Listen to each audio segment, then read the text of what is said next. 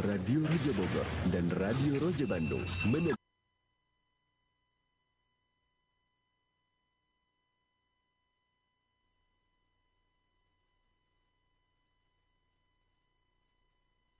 Bismillahirrahmanirrahim. Assalamualaikum warahmatullahi wabarakatuh. Ikhwatal Islam azani Allah wa iyyakum. Alhamdulillahi alamin. Hamdan kathiran tayyiban mubarakan fihi kama yuhibbu rabbuna wa yarda. Wassalatu wassalamu ala safil mursalin wa ala alihi wa ashabihi ajma'in. Wa man tabi'ahum bi ihsanin ila yaumil qiyamah. Amma ba'du. Para pemerhati roja di mana pun Anda berada, kembali kami hadirkan di kesempatan sore hari ini satu kajian ilmiah dari pembahasan kitab yang berjudul Bulughul Maram dan sebagaimana biasanya ikhwatal Islam azani Allah wa iyyakum kajian akan disampaikan oleh guru kita Al Ustaz Al Fadil Zainal Abidin bin Samsudin LCMM Hafizallahu taala. Dan pada kesempatan sore hari ini, beliau akan mengangkat sebuah tema dengan judul Hukum Mendengar Adzan Tapi Tidak Pergi ke Masjid. Kota Islam Azan ya Allah wa yakum, satu kajian yang penuh dengan faedah yang perlu kita dengar dan simak bersama. Dan sebelum kita simak bersama kajian ini, kami informasikan kepada Anda semuanya setelah kajian disampaikan oleh beliau, kami buka sesi interaktif soal jawab. Bagi Anda yang bertanya secara langsung, Anda bisa menghubung kami di 021 823 6543 ataupun Anda dapat bertanya melalui pesan singkat di 0819 896543. Namun kata Islam azan ya Allah wa yakum. Untuk selanjutnya kita simak bersama kajian ini dan kepada Ustadz kami persilakan Faliat fadl Maskuran. Assalamualaikum warahmatullahi wabarakatuh. Alhamdulillahi rabbil alamin. Wassalatu wassalamu ala ashrafil anbiya'i wal mursalin. محمد وعلى آله وصحبه أجمعين وصلى الله على محمد وعلى آل محمد والحمد لله رب العالمين إخواني وأخواتي في الله Para pemirsa Rojak TV dan juga Radio Rojak di mana saja antum berada Dan mungkin ada yang mengikuti melalui streaming. Semoga kita semuanya mendapatkan ilmu yang bermanfaat. Dan semoga kita bisa menjadikan kajian dan beras bersama isinya ini satu keyakinan yang mantap Karena pada akhirnya apa pun yang kita pelajari kalau tidak membuahkan keyakinan itu sia-sia. Sebagaimana yang telah dikatakan oleh penazam Jurumiyah yaitu Imriti Idil fata hasba i'tiqadihi rufi' fa kullu man lam ya'taqid lam yantafi' sesuai dengan kadar keyakinan di situ tingkatan seseorang. Di situ tingkat kebaikan tingkat akademis tingkat keimanan tingkat apa pun. Maka siapa pun yang tidak yakin tidak akan bisa mengambil manfaat. Masya Allah إذ fata حسب اعتقاده رفع فكل من لم يعتقد لم ينتفع ya. Oleh karena itu keyakinan adalah asas. Bismillah.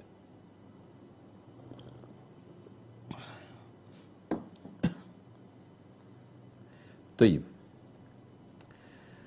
Kali ini kita akan membahas satu hadis yang lagi-lagi menyoal masalah kewajiban datangnya solat jamaah ke masjid.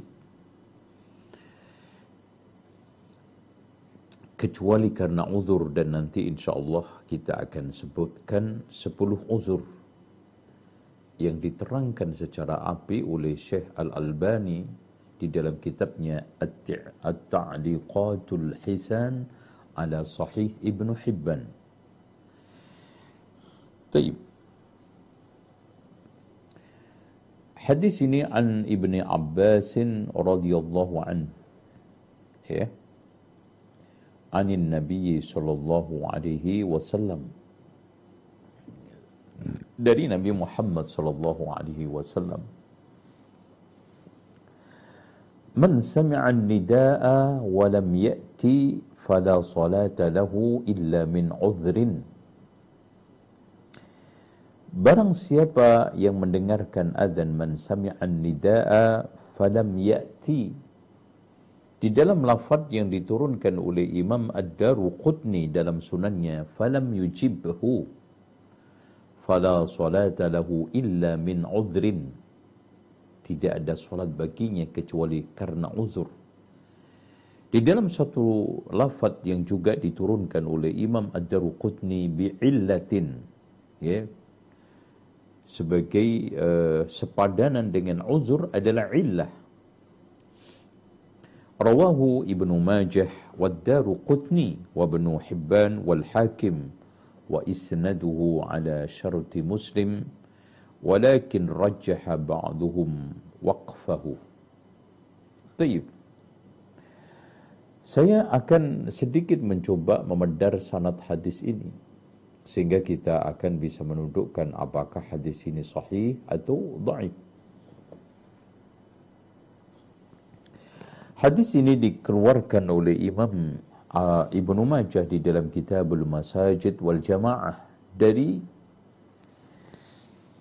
Abdul Hamid ya As-Sukari dari Gundar dan Gundar itu namanya Ahmad ibnu Ja'far Al-Hudhali Al-Ghundar.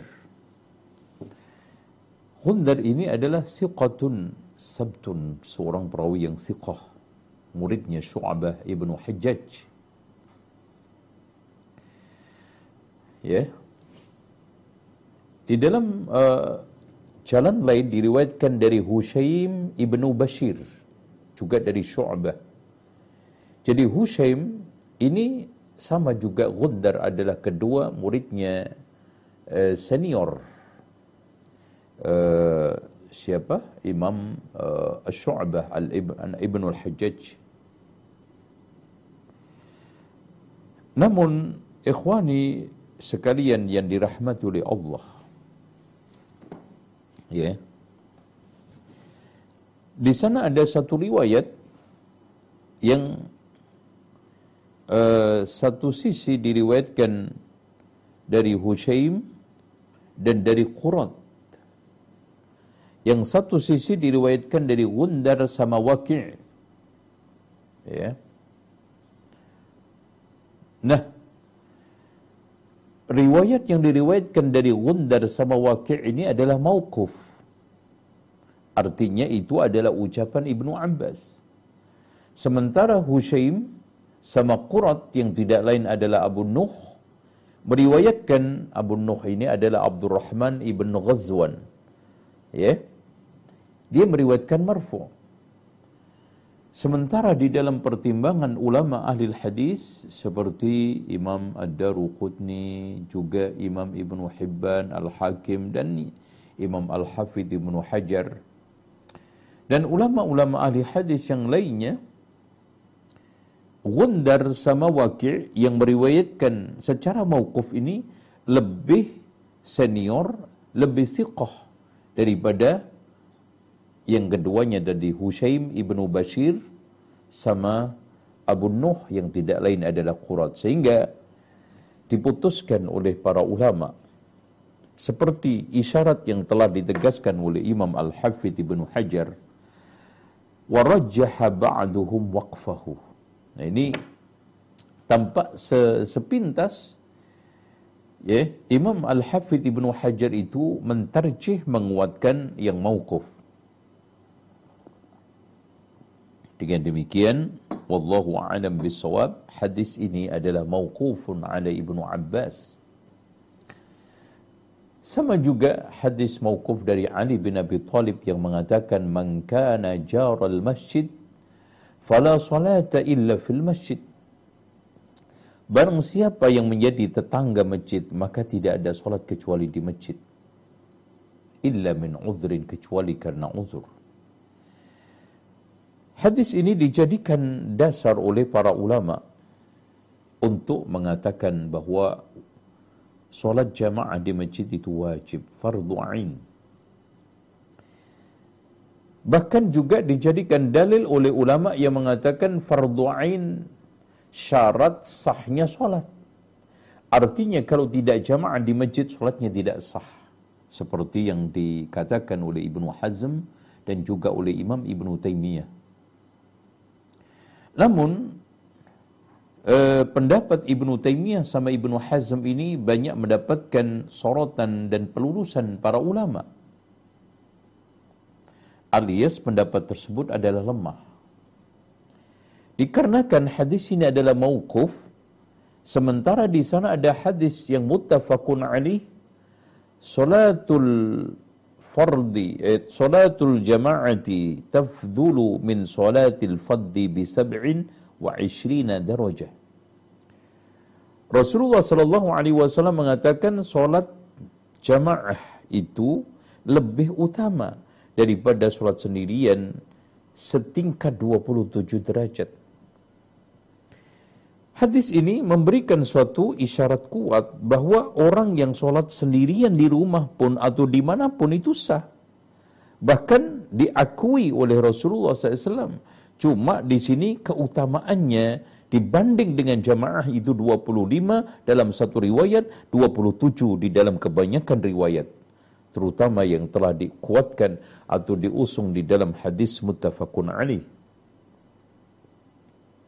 Dengan demikian, kita bisa tegaskan bahwa syarat eh, itu ada dua, syaratul kamal atau syaratul sihah. Memang kita tidak ingkari bahawa hadis ini adalah nafyu, yaitu la salata, menafikan dan menafikan itu lebih kuat daripada melarang. Kan gitu. Artinya menafikan zatu syai dinafikan akan zatnya sesuatu dan imma penafian itu masuk ke dalam penafian kamalnya kesempurnaannya atau penafian keabsahannya. Tapi setelah kita ambil beberapa korinah dan juga kita kaitkan dengan hadis-hadis yang lainnya karena kita tidak bisa memahami hadis-hadis itu secara parsial kalau memang mengisyaratkan satu hukum, satu alur. Di mana Rasulullah Shallallahu Alaihi Wasallam terang mengatakan bahwa solat berjamaah itu lebih baik daripada solat sendirian 27 derajat dan lebih baik abdul tafdul itu tidak terus mengesankan itu merupakan suatu yang sunnah. Ya. Dan ini sudah di, kita dudukkan pada pelajaran yang lalu yang secara dasar ini hanya memberikan satu afdaliyatu salatul jamaah bukan men, me, mendudukkan hukum salatul jamaah salatul jamaah dengan derajatnya kan gitu. Adapun hukumnya kita ambil dari hadis-hadis yang lainnya di mana Rasulullah SAW menyengaja ingin membakar rumah orang-orang yang terlambat dari salatul jamaah. Tidak mengizinkan Ibnu Umi Maktum untuk absen salat jamaah. Meskipun buta meskipun tidak ada penuntunnya. Meskipun dia jalan ke masjid, banyak binatang buas. Dan juga hadis ini. Oke. Okay? Dengan demikian kita sampai pada satu kesimpulan bahwa salatul jamaah berdasarkan hadis ini adalah fardu ain syarat sempurnanya salat jamaah tidak syarat sahnya salat. Ya. Dengan demikian, siapa pun yang sekarang ini mendengarkan azan secara alami, ya maksudnya di sini azan tanpa pakai alat atau media apa pun. Kemudian tidak ada uzur maka wajib fardu ain dia datang ke masjid. Nah, sekarang kita masuk ke dalam uh, permasalahan yang telah saya sampaikan di awal, uzur. Yang sekarang ini bisa memberikan keleluasaan seseorang untuk tidak datang ke masjid sholat jamaah. Mendapatkan rukhsah untuk tidak datang ke masjid itu apa saja? Apakah dengan perasaan kita dengan mudah sekarang kita lihat orang Mas an afan anak uzur tidak datang ke majlis ta'lim. Uh, ma, Pak, saya nggak bisa datang uzur. Tapi ukurannya semuanya adalah perasaan. Uruf kebiasaan manusia. Tidak bisa seperti itu ya ikhwan. Ya. Uzur yang bisa menjadikan landasan seorang untuk mendapatkan rukhsah dari kewajiban-kewajiban agama apa pun, bukan hanya sholat, adalah uzur yang telah ditetapkan oleh syariat. Bukan atas dasar perasaan manusia atau kesepakatan uruf yang telah ada di tengah masyarakat. Atau mungkin namanya kearifan lokal yang telah disepakati oleh suatu adat. Tidak akan tetapi uzur yang dimaksudkan adalah uzur syar'i. Yang itu disebutkan di dalam kitabnya Syekh Muhammad Ibn Nasiruddin Al-Albani At-Ta'liqatul Hisan ala Sahih Ibn Hibban itu ada sepuluh. Yang pertama, al-udhrul awal, udhur yang pertama adalah wawal maradul alladhi la yaqdirul mar'u ma'ahu ayyatiyal jama'at. Yang pertama adalah sakit yang membuat seorang tidak mampu untuk datang ke masjid. Seperti yang dialami oleh Nabi Muhammad sallallahu alaihi wasallam. Bismillah. Ya. Di mana diceritakan oleh Anas lam yakhruj ilaina Rasulullah sallallahu alaihi wasallam salasan. Rasulullah tidak keluar tiga hari. Berarti tidak ikut sholat. Fauqimatis salatu fadhahaba Abu Bakar yataqaddam. Diqamatin Abu Bakar lah yang maju. Faqala Rasulullah SAW bil hijab farafa'ah. Rasulullah SAW uh, mengatakan di balik hijabnya kemudian diangkat falamma wadaha lana bayad wajhi nabi sallallahu alaihi wasallam.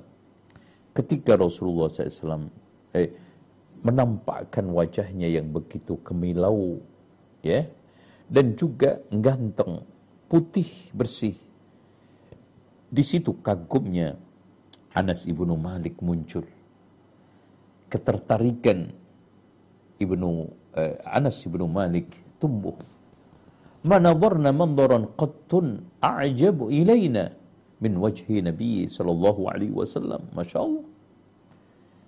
Saya tidak melihat sesuatu pandangan yang paling mengagumkan kecuali memandang wajah Rasulullah sallallahu alaihi wasallam. Hina wadahanana ketika tampak, coba bayangkan ikhwan, wajah yang sedang sakit itu kan biasanya kalau kita layu, lecek. Tapi lihat Rasulullah, bagaimana sehatnya Rasulullah. Bagaimana Rasulullah Shallallahu Alaihi Wasallam sedang dalam keadaan fit, Allahu Akbar. Dalam keadaan sakit aja, membuat kagum, membuat tertarik Anas bin Malik bercerita seperti itu. Qala fa'uma an-nabiy sallallahu biyadihi ila Abi Bakar an taqaddam. Rasulullah memberikan isyarat kepada Abu Bakar untuk maju. Qala wa arkha Rasulullah sallallahu alaihi wal hijab Rasulullah sallallahu al hijab Rasulullah menjulurkan menutupkan hijab rumahnya falam yaqdir alaihi hatta mat tidak mampu datang ke masjid sampai meninggal. Itulah takaran uzur jadi bukan hanya sakit menurut ukuran kita. Sakit secara udur syar'i Rasulullah ya Rasulullah SAW akhirnya meninggal dunia. Berarti parah. Ya. Uzur yang kedua adalah hudurut ta'ami inda salatil maghrib. Hadirnya makanan ketika salat maghrib dan wallahu a'lam bisawab untuk uh, apa namanya salat-salat yang lainnya juga masuk ya. Rasulullah SAW mengatakan la ta'jalu an asyaikum jangan kamu tergesa-gesa memutus makan malammu sebelum kamu sholat. Ini ya makan dulu ya sebelum selesai ya selesaikan baru sholat. Bahkan ketika puasa wabil khusus Rasulullah mengatakan hadis dari Anas qala qala Rasulullah sallallahu alaihi wasallam idza uqimatis salatu wa ahadukum shaim jika telah dikumandangkan qamat sementara di antara kalian sedang puasa falyabda bil asya qabla salatil maghrib hendaknya memulai makan malam sebelum salat maghrib. Wala ta'jalu an asyaikum jangan tergesa-gesa untuk menikmati makan malam.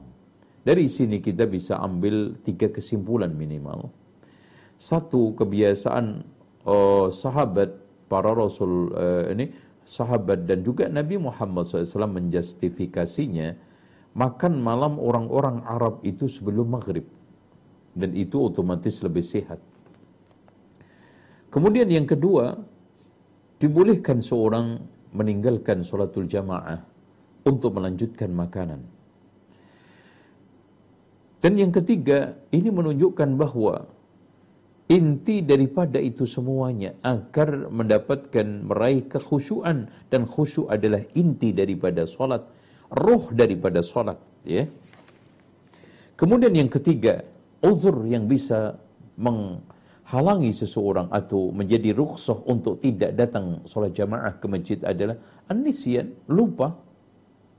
Lupa solat. Karena ini dialami Rasulullah Sallallahu Alaihi Wasallam eh, ketiduran juga Ya. Jika demikian Rasulullah sallallahu alaihi wasallam mengatakan man nasiya as-sala aw nama anha barang siapa yang lupa atau ketiduran salat falyusalliha idza dzakaraha hendaknya dia salat ketika ingat. Ya? Fa inna Allah tabaraka wa ta'ala qala karena Allah subhanahu wa ta'ala berfirman aqimus salata li dzikri tegakkan salat untuk mengingatku. Kemudian sebab yang keempat adalah asimnul mufrid alladhi yamna'ul mar'a min huduril jama'at. Jadi kegemukan yang berlebihan, obesitas yang menyulitkan dia berjalan ke masjid. Itu disebut asimnul mufrid, obesitas yang sangat uh, berlebihan. Hal ini berdasarkan juga dari hadis Anas bin Malik. Qala rajulun minal ansar kana dhakhma ada seorang dari kaum Ansor yang sangat gemuk sekali mengatakan kepada Nabi inni la astati'u salata ma'ak aku tidak bisa salat bersamamu ya Rasulullah. Falau ataita manzili kalau engkau bisa datang ke rumahku fa sallaita fihi kau gunakan tempat itu salat fa aqtadi bika kemudian tempat itu saya akan jadikan rutinitas salat saya lima waktu. Fasana ar-rajulu lahu ta'ama orang tersebut membuatkan makanan.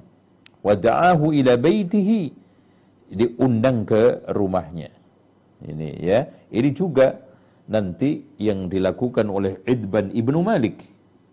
Fabasatalahu tarfa hasirin lahum. Kemudian diamparkan tikar. Fasalla alaihi raq'atain Rasulullah SAW salat dua rakaat. Faqala fulan ibnul jarudi. Li, Anas akan Nabi SAW yusalli duha apakah Rasulullah SAW ketika itu salat duha? Qala ma ra'aitu sallaha ghaira dhalika dhalika al enggak saya tidak melihat salat selain itu. Meskipun salatnya itu pas pada waktu duha. Jadi salatnya Rasulullah SAW salat sunnah untuk memberikan satu keberkahan tempat. Kemudian uh, setelah itu digunakan untuk solat sahabat tersebut ya. Dan ini hanya khusus kepada Rasulullah dan tidak kepada Abu Bakar, Umar, Utsman, Ali, apalagi kiai-kiai, apalagi tokoh-tokoh yang lainnya.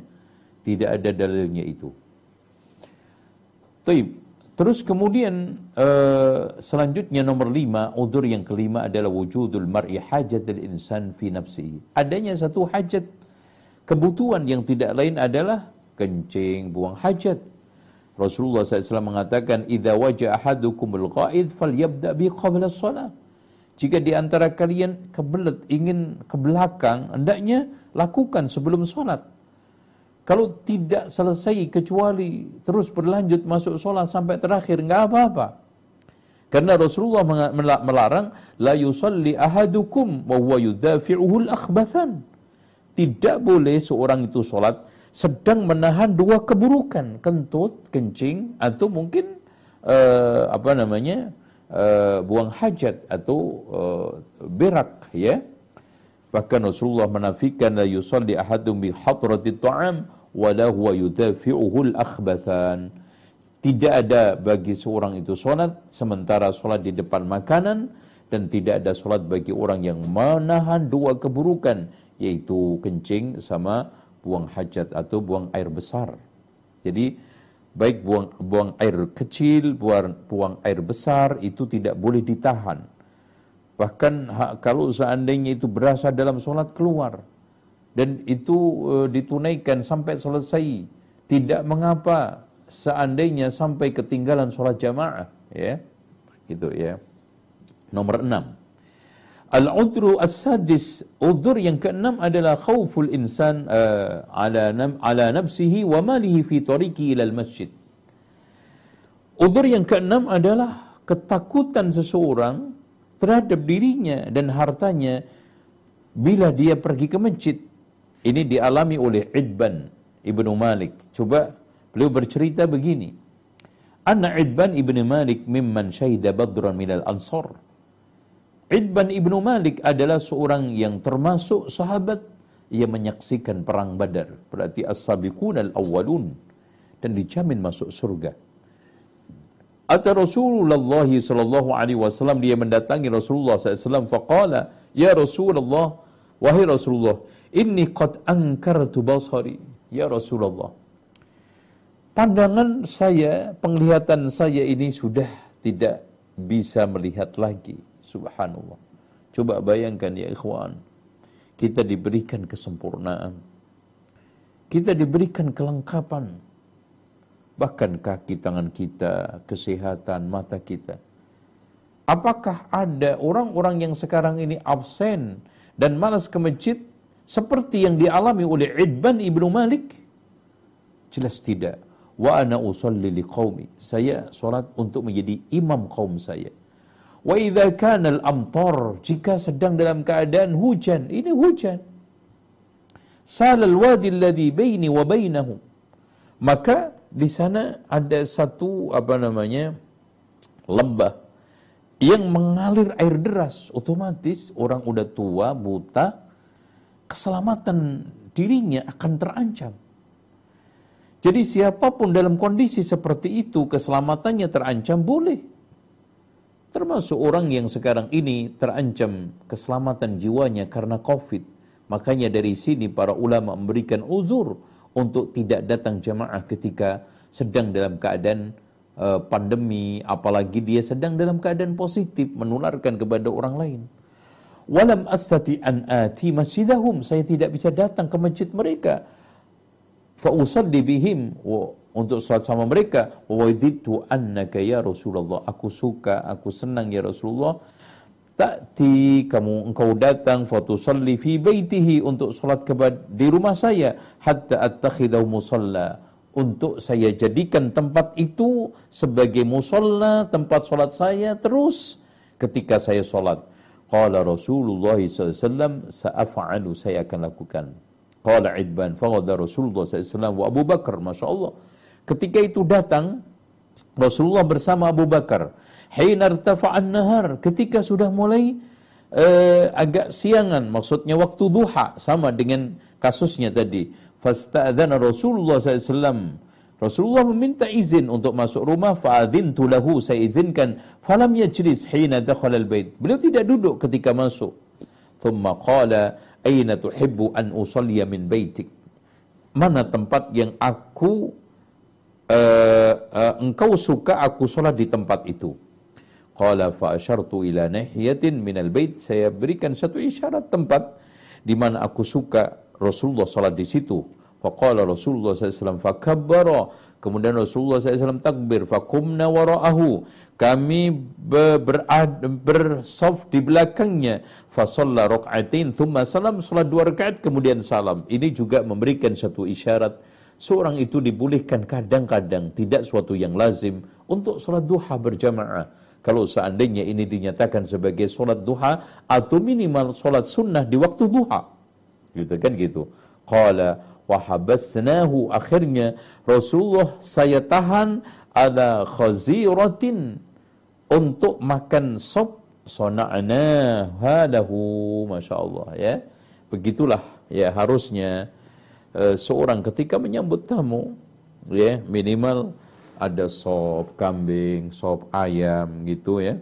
Ini adat orang Arab. Dan kalau ada tamu itu dikasih makan. Eh, kalau meskipun di adat kita ini eh, hanya teh, makanya kalau Idul Fitri kita bertamu lima kali aja sudah cukup terkencing-kencing. Karena satu rumah minum lagi, minum lagi, minum lagi, yang kelima kencing. Zikrul udhr sabi, kemudian udur yang ketujuh adalah wujudul bardi syadidil mu'lim. Adanya dingin yang sangat menyengat, apalagi pada uh, kondisi Mek Mekah Madinah terutama Madinah di mana dari Ibnu Umar anna wajada dhata lailatin bardan shadidan fa'adzana ma'a man ma'ahu dia menemukan satu malam yang sangat dingin. Kemudian azan orang-orang yang bersamanya fasallu fi rihalihim. Maka mereka salat masing-masing di tempatnya. Wa qala inni raaitu Rasulullah sallallahu idza kana mithlu hadha. Saya melihat Rasulullah ketika dalam kondisi seperti ini amaran nasa an yusallu fi rihalihim.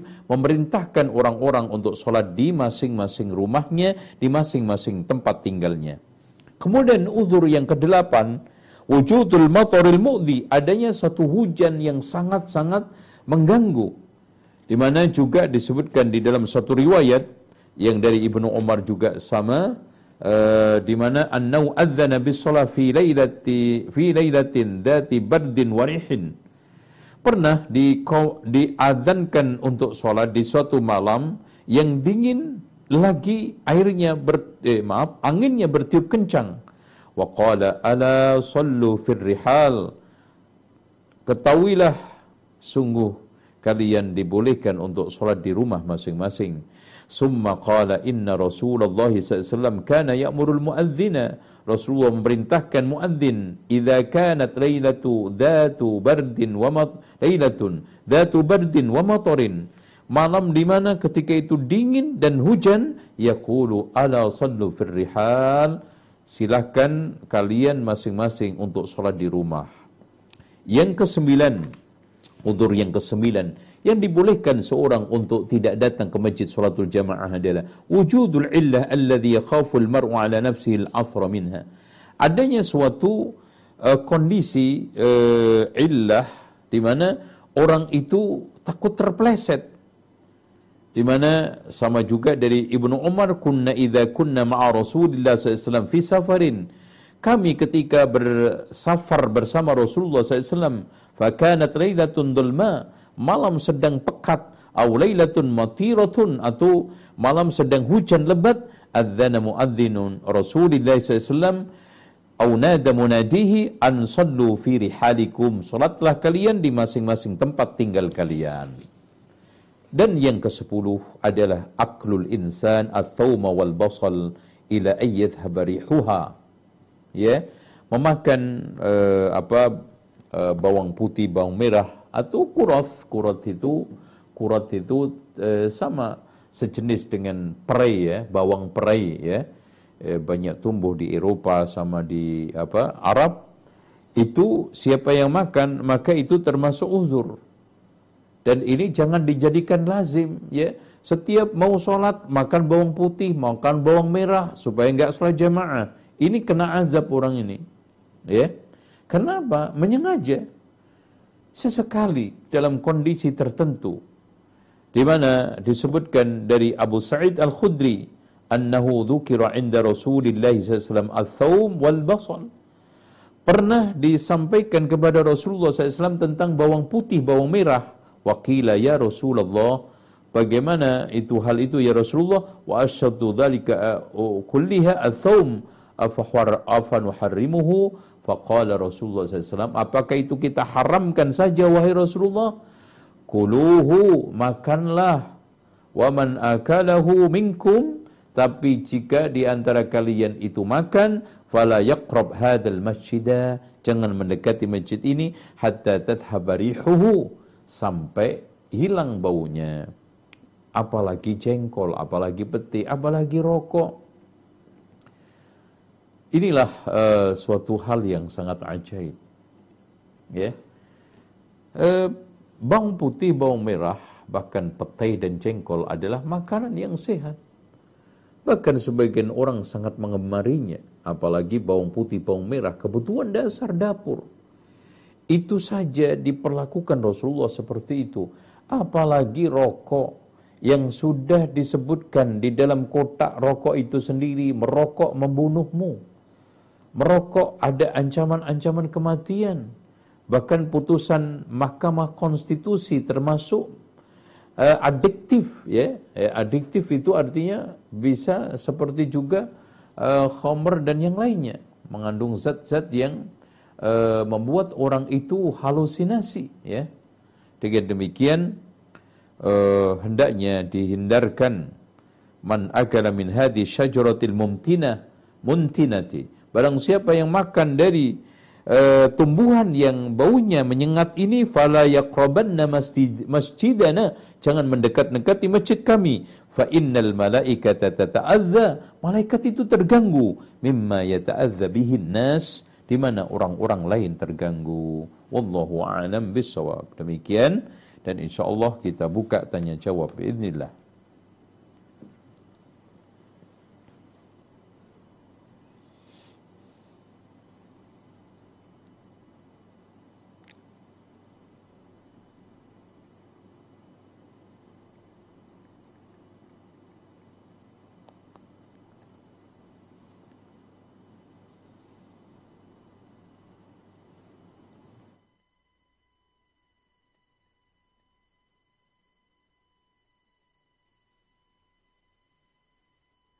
Jazakallah khairan Ustaz, Barakallahu fiqh atas materi yang telah sampaikan di kesempatan sore hari ini penuh dengan faedah yang dapat kita ambil. Ikhwatal Islam azani Allahu ayyakum. Untuk berikutnya kami buka sesi tatib salat bagi Anda yang ingin bertanya secara langsung. Anda dapat menghubungi kami di 0218236543. Kita angkat pertama mulai telepon. Silakan.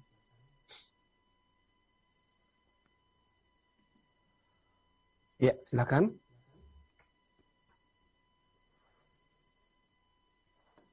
Ya, silakan. Baik, terputus. Kita angkat kembali untuk Anda, para pendengar, pemirsa, dan pemerhati roja di mana pun Anda berada. Kami buka sesi interaktif soal jawab dan bagi Anda yang ingin bertanya, Anda dapat menghubungi kami di 0218236543. silakan. Ya, silakan. Nah. Ya, silakan. Baik, terputus. Kita angkat pertanyaan berikutnya di line telepon di 0218236543.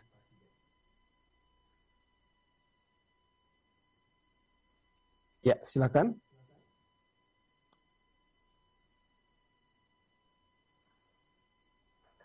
Baik.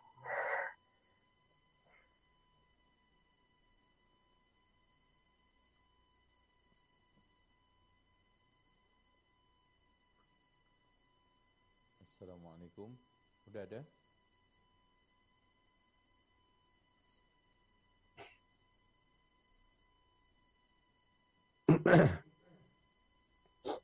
ya, silakan. Assalamualaikum, Ibu, Bapak.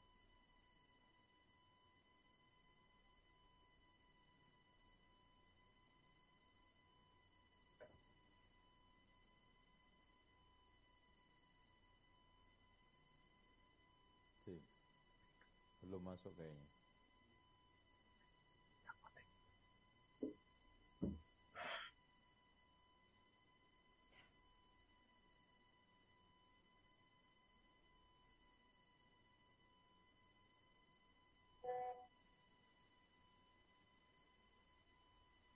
Azanillah wa yakum.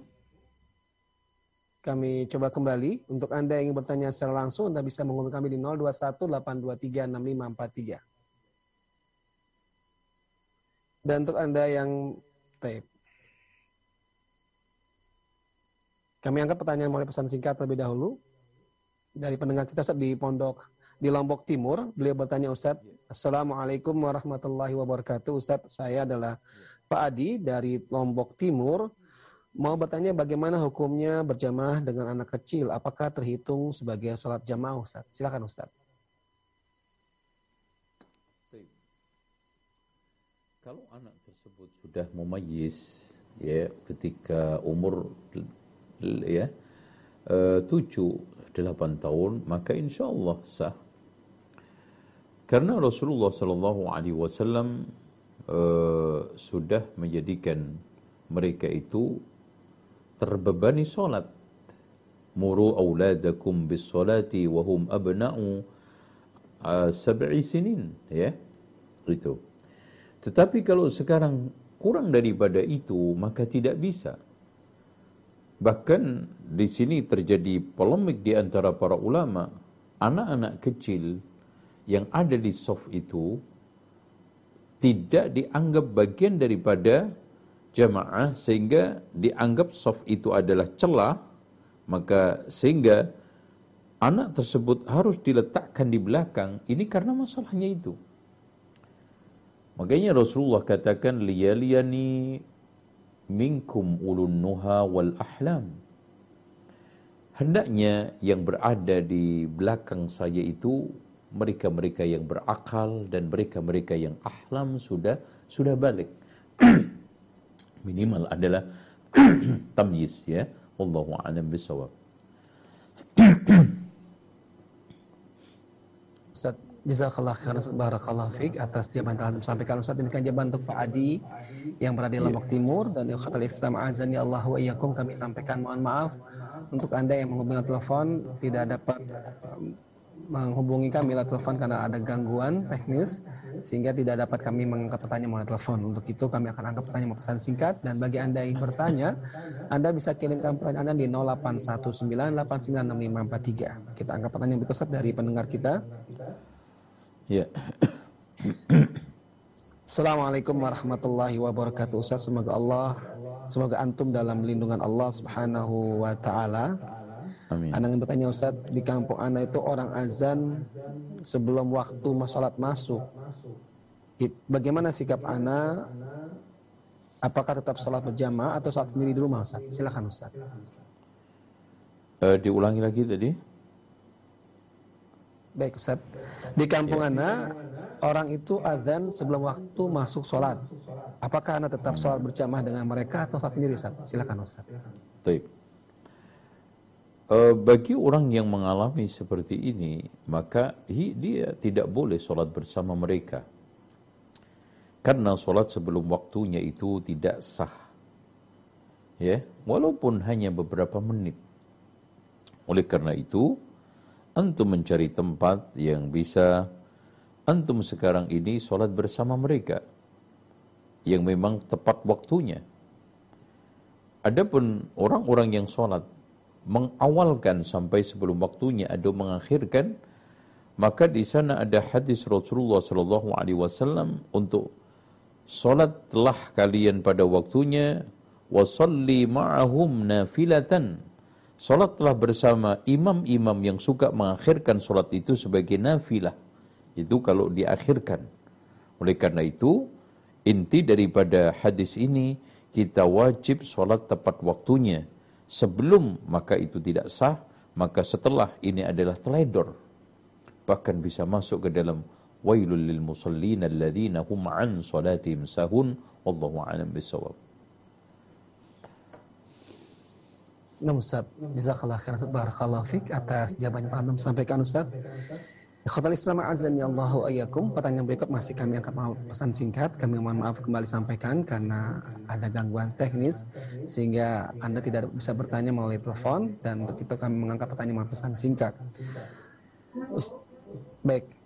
Alhamdulillah telah terhubung. Baik, ya silakan.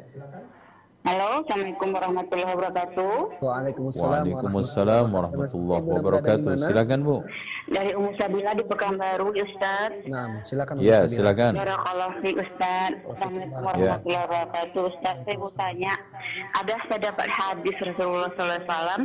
Uh, barang siapa sholat duha empat rakaat, lalu sholat uh, qabla zuhur empat rakaat akan dibangunkan rumah di surga. Apa benar ya Ustaz? Syukron, jazakallah khair. Assalamualaikum warahmatullahi wabarakatuh. Waalaikumsalam warahmatullahi wabarakatuh. Silakan Ustaz. Tayyib. Eh, yang benar itu hadis Rasulullah sallallahu alaihi wasallam man shalla isna asyara raq'ata min ad-duha banallahu lahu baitan fil jannah.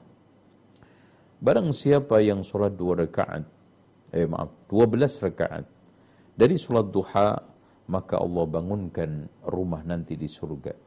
Ini hadis adalah dhaif. Ya, sebagaimana didoaifkan oleh Imam Al-Hafidh Ibnu Hajar yang sudah kita bahas pada pertemuan-pertemuan yang lalu. Adapun yang benar adalah solat eh, apa duha empat rakaat dan paling terbanyak adalah delapan. Itu ya. Adapun sekarang empat duha, empat qoblat duhur ini eh, saya eh, tidak atau belum menemukan perpaduan hadis itu menjadi satu hadis. Yang ada adalah man isna asyrata raka'atan tatawwa'an min ghairi faridatin fi yawmin wa lailatin tatawwa'an min ghairi faridatin banallahu lahu baitan fil jannah. Itu sahih. Barang siapa yang sholat 12 rakaat sehari semalam sunnah tidak wajib alias rawatib maka dia Allah maka Allah bangunkan untuknya rumah di surga. Ini sahih. Ya. Dan itu penjelasannya adalah empat rakaat sebelum duhur, dua rakaat setelah duhur, dua rakaat setelah maghrib, dua rakaat setelah isya, dua rakaat sebelum subuh. Itu dijabarkan oleh Rasul ini seperti itu di dalam suatu hadis. Oleh karena itu, kalau duha, hadisnya tadi.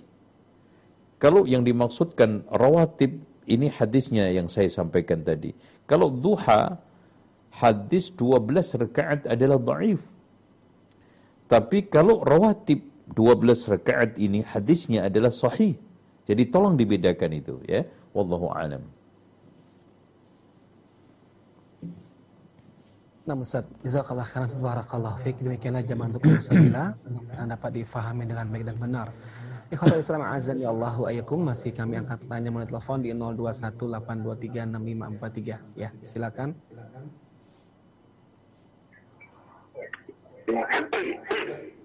Halo. Ya, silakan. Ya, Waalaikumsalam. Waalaikumsalam warahmatullahi wabarakatuh. Dengan siapa Bapak dan berada di mana? Dari Pak Mahdi dari Lampung. Pak Mahdi dari Lampung. Silakan Pak Mahdi. Saya mau tanya ini Ustaz kalau kita Ya. sujud itu setelah kita baca uh, ki- kita tambah doa bahasa Indonesia apakah boleh setelah ki- kita waktu sujud kita kan baca itu tambah uh, bahasa- doa bahasa Indonesia apakah atau tidak terima kasih wassalamualaikum warahmatullahi wabarakatuh Waalaikumsalam warahmatullahi wabarakatuh. Taib. Eh, berdoa dengan bahasa masing-masing termasuk Indonesia, Inggris, Prancis dan juga bahasa lokal kita oleh sebagian ulama dibolehkan.